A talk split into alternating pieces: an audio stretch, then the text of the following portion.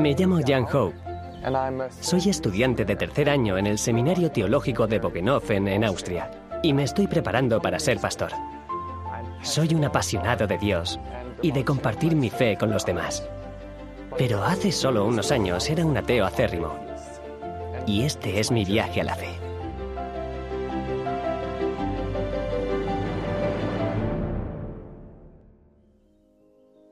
Nací en Alemania del Este en una familia atea, en un entorno social casi completamente secular.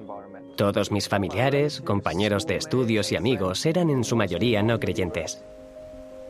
A los 14 años participé en el Jungweiher, una ceremonia secular de mayoría de edad que había sido apoyado por el gobierno de la era comunista como reemplazo de la confirmación.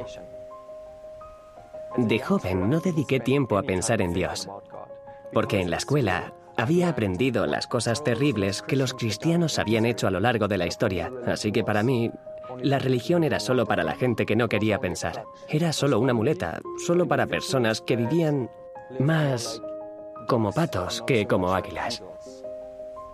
Recuerdo que cuando tenía alrededor de 16 años, fui invitado a comer a casa de una familia cristiana y cuando oraron antes de comer fue la primera vez que vi a alguien orar. Tuve la suerte de crecer en el campo rodeado de naturaleza y bosques.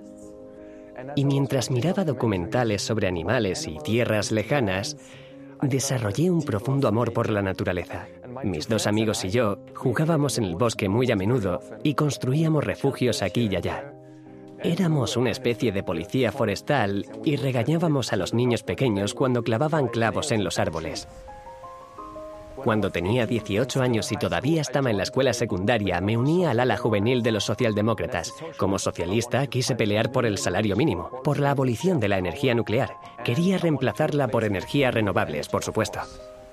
Mientras estudiaba negocios internacionales en Strasson, me encontré con un libro que se titulaba 50 cosas que puedes hacer para salvar el mundo y ganar dinero al mismo tiempo. Daba consejos sobre cómo reducir tu huella ambiental en todas las diferentes áreas de la vida, como la comida, la ropa, el transporte, la oficina, incluso las finanzas y el uso de Internet. Este libro tuvo un efecto profundo en mí. Comencé a implementar estas cosas y a esforzarme mucho en lo que yo creía que era salvar el mundo. Yo era el tipo de chico que compraba solo productos orgánicos y siempre que podía compraba cosas de comercio justo, a pesar de que solo tenía presupuesto de estudiante. Incluso planté flores autóctonas en el parque para ayudar a salvar a las abejas. En poco tiempo, el ecologismo se convirtió en mi religión.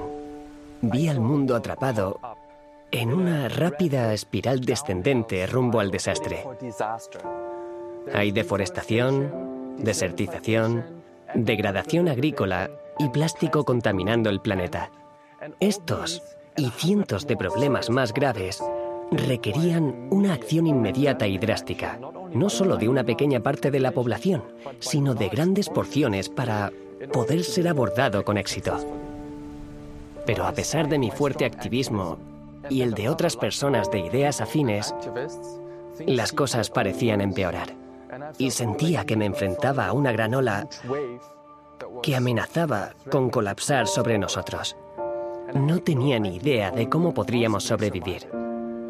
El futuro parecía sombrío y la desesperanza era muy frustrante. Cursé estudios de gestión báltica para mi título universitario. Y ahí tuve que elegir un idioma para mi curso de la región del mar Báltico para aprender. Escogí noruego y me fui en un viaje de mochilero a Noruega. Al año siguiente volví allí. Fui a una granja a una hora de Oslo porque me interesaba aprender sobre agricultura orgánica. Y allí conocí a algunas personas geniales. Estaban Jonathan, Lina y Julia. Eran inquilinos de la finca y también ayudaban ocasionalmente. Y mientras recogíamos frambuesas, me encontré discutiendo cosas como vida en el campo, política, educación y vegetarianismo. Estas personas tenían opiniones muy interesantes y me di cuenta de que teníamos muchas cosas en común, incluso más que con mis amigos ambientalistas. Así que nos hicimos buenos amigos. Jugamos juegos y nos divertimos juntos. Un sábado por la mañana, estaba buscando a la oveja que se había escapado de nuevo. Y vi a mis nuevos amigos saliendo elegantemente vestidos. Solo quería saludar, así que fui y dije, hola. Y me dijeron que iban camino a la iglesia. Ah, no. Pensé para mí. Cristianos. ¡Qué decepcionante! ¿Por qué esta buena gente tenía que ser cristiana? Luego me dijeron incluso que eran adventistas, y yo nunca había escuchado antes algo así. De vuelta en casa, pasé dos años estudiando y haciendo prácticas en un banco verde en Nuremberg. Y entonces tuve que cumplir un año en el extranjero, así que decidí escribir mi tesis de licenciatura en Noruega y trabajar para una empresa haciendo paneles solares de techo. Y para eso me mudé a Oslo. Estaba buscando desesperadamente un lugar asequible para alojarme y recordé a mis amigos de hacía dos años, los amigos de la granja. Me puse en contacto con ellos y me presentaron a David. Vivía en una casa de estudiantes de la iglesia en una habitación de 14 metros cuadrados, pequeña. Me acogió y se desvió de su camino para hacerme sentir cómodo. En la casa, de repente me di cuenta de que estaba rodeado de cristianos y estaba seguro de que iban a intentar convertirme, pero decidí que no me atraparían. Los primeros tres meses transcurrieron sin problemas, excepto porque yo rompí las normas de la casa sobre la prohibición del alcohol, lo cual amablemente pasaron por alto.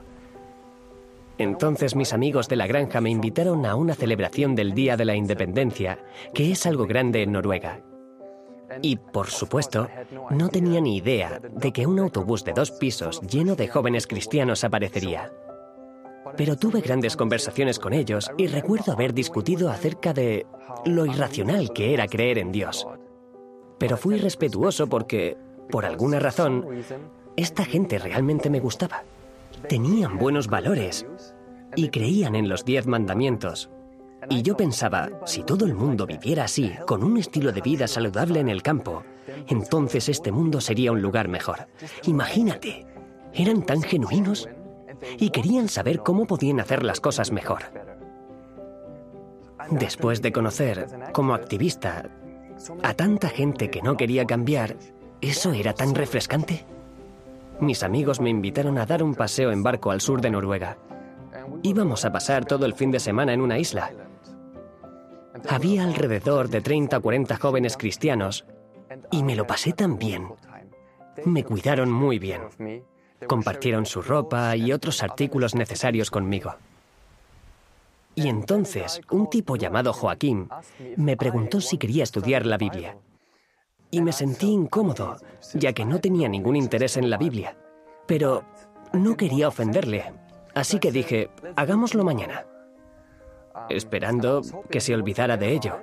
Pero a la mañana siguiente, me sorprendió preguntándomelo otra vez. Así que inventé otra excusa. Y lo mejor que se me ocurrió fue decir, lo siento, no tengo Biblia. Pero resultó ser la respuesta más pésima que se me ocurrió en ese momento, porque estaba rodeado de cristianos. Y cada uno de ellos tenía una Biblia, así que al momento siguiente me trajeron la Biblia de otra persona y yo estaba como, eh, gracias. Pero luego pensé, esta gente ha sido muy buena escuchándome, así que es justo que les escuche también. Joaquín empezó a hablar de cómo la Biblia hizo la extraordinaria afirmación de ser la palabra inspirada de Dios y que esa afirmación requería una prueba extraordinaria. Y me mostró cómo la Biblia era capaz de pronosticar el futuro y me explicó la profecía de Daniel capítulo 2, cómo los imperios del mundo habían sido previstos por Dios. ¿Sabes? Babilonia, Medopersia, Grecia, Roma y la Europa fragmentada de nuestros días. Yo podía seguirle porque había hecho un curso avanzado de historia. Después de ese estudio, mi visión de la Biblia había cambiado tanto que decidí leerla. Compré una Biblia de estudio cara y empecé con Génesis, el primer libro. Sin embargo, fue un obstáculo porque creía en la evolución. Y allí la Biblia decía que Dios era el creador. Así que mis amigos se ocuparon de mí y me recomendaron lecturas sobre evolución y creación. Y mientras aprendía algunos hechos muy intrigantes, mis dudas empezaron a desmoronarse una a una. Y entonces algo comenzó a funcionar dentro de mí. Ahora me preguntaba seriamente si Dios posiblemente existía. Y sopesé cuidadosamente los argumentos que había aprendido. Había básicamente cuatro puntos principales que desafiaban mi incredulidad.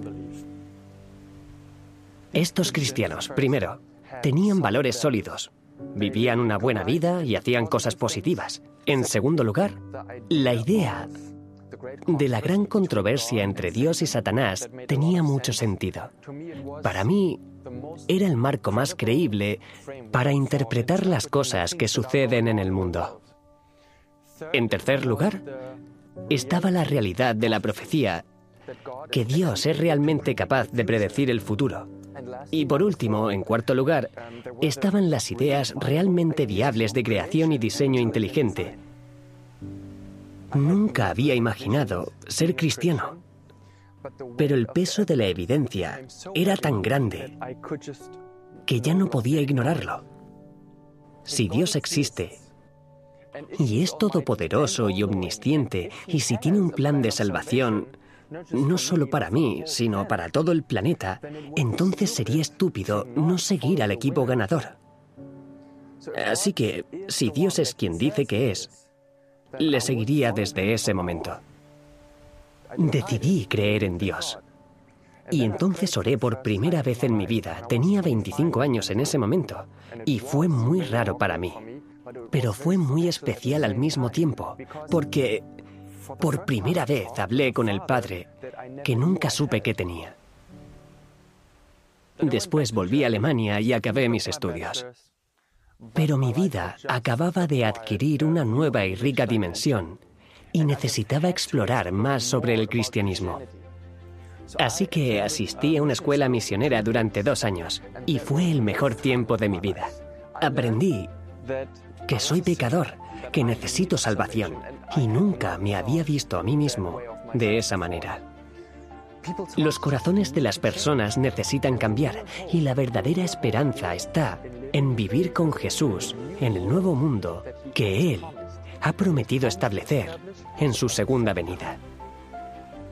Ahora, aspiro a ayudar a otros a encontrar a Dios y la verdadera esperanza y sigo creyendo que hacer mi parte en cuidar el planeta es fundamental.